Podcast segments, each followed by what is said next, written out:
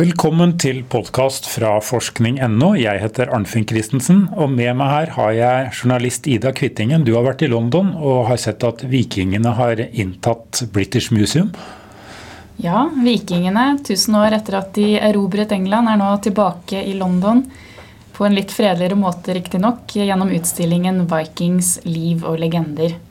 Men eh, er det en spesielt stor interesse for eh, vikinger nå eh, blant engelskmenn, eller i det hele tatt i Europa? Det kan tyde på det. Det er jo flere TV-serier som tar for seg vikingtema, bl.a. serien Vikings. Det er også en stor interesse for skandinavisk kultur generelt, fortalte en av kuratorene ved museet meg. Og det kan være slik at britene kanskje blir mer nysgjerrige på å utforske sine forbindelser med Skandinavia, og da går helt tilbake til historiske røtter og til vikingtida. Hva slags bilde er det de tegner av vikingene? Er det dette bildet av den brutale røveren, eller eh, hvordan er det? Jo, det er både og. Eh, utstillingen er opptatt av å vise at vikingene var brutale røvere som herjet og plyndret. Men eh, de vil ikke bare vise det. De vil også vise den rike kulturen som eh, vikingene hadde gjennom smykker, gjennom eh, forseggjorte våpen.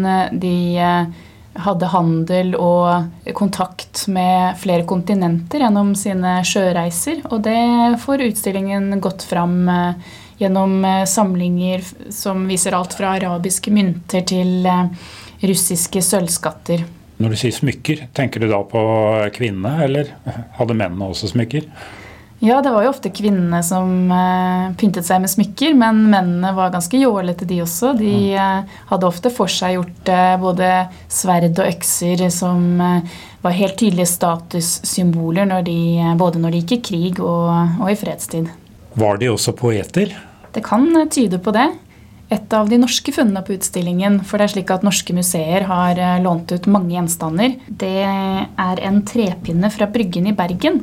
Riktignok er den fra middelalderen, ikke vikingtida, men eh, en av konservatorene jeg snakket med, mener at eh, den viser nettopp hvor poetiske vikingene var.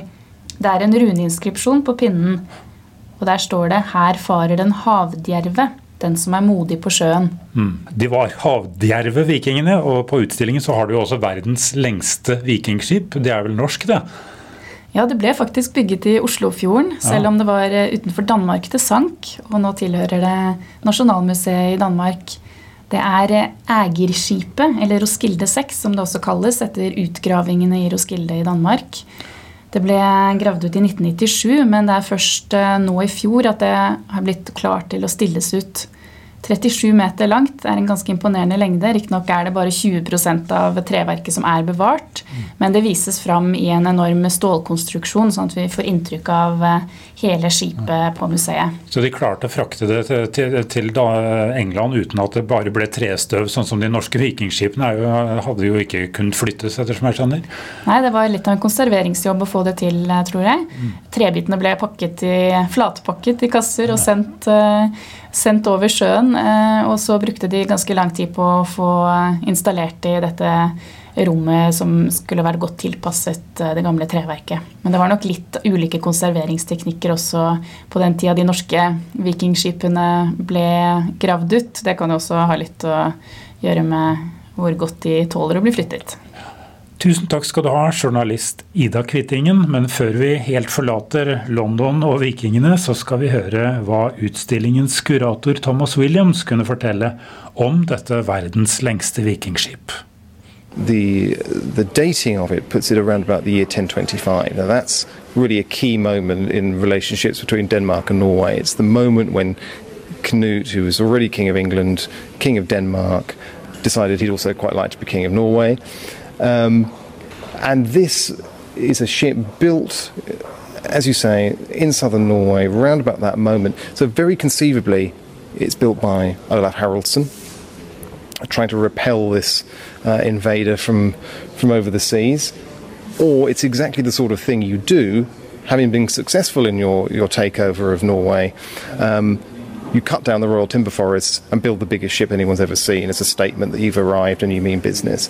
So could be either of them, but, but I think it's a really significant fact that it's built in Norway.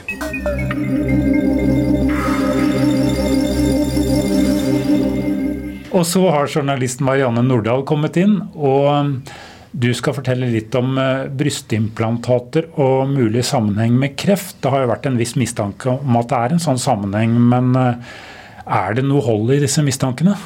Det de har mistenkt, er at det kan være en bitte liten risikoøkning for et, en veldig sjelden kreftsykdom som heter ALCL. Eh, det er ikke en brystkreftssykdom, men det er en kreftsykdom i immunsystemet. Og det man baserer denne mistanken på, er at det har dukket opp noen tilfeller der eh, kvinner har eh, fått påvist kreft i arrvevet rundt det implantatet de har fått satt inn. Og det har vært uavhengig av hva slags implantat det har vært. Iallfall så har ikke forskerne enda klart å finne noe sammenheng eh, mellom f.eks. at det kan ha vært silikon og mye større risiko enn noe annet. Men, så det vet de eh, fremdeles ikke. Det er veldig viktig å si at dette her er til nå, da, som den siste studien vi nå skriver om, den har kun fanga opp 60 tilfeller. Og det er de eneste tilfellene man kjenner til i hele verden.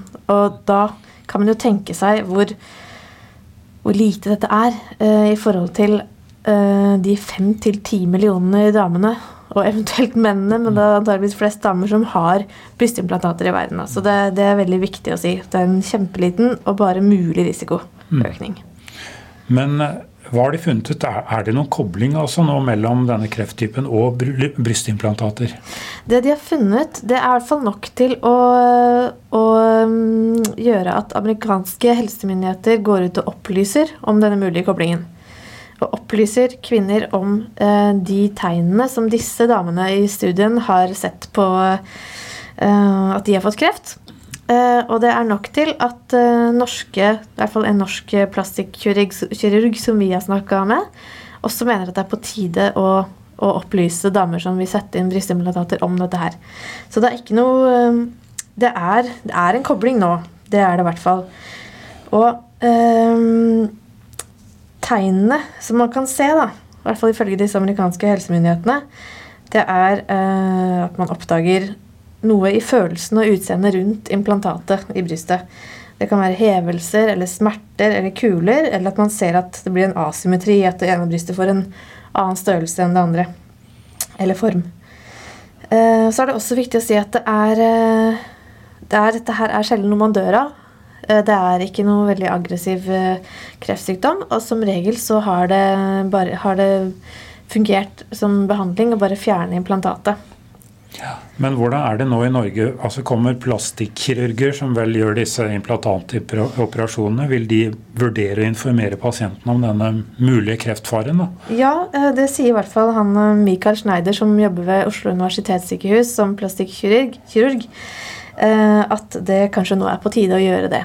Og det må man da eventuelt gjøre i ordna former. Han vil ikke skremme noen, og det er som sagt en en, bare en mulig risiko og en veldig liten risiko. Så dette her kommer plastikkirurgene i Norge antageligvis til å diskutere på forskjellige møter i år.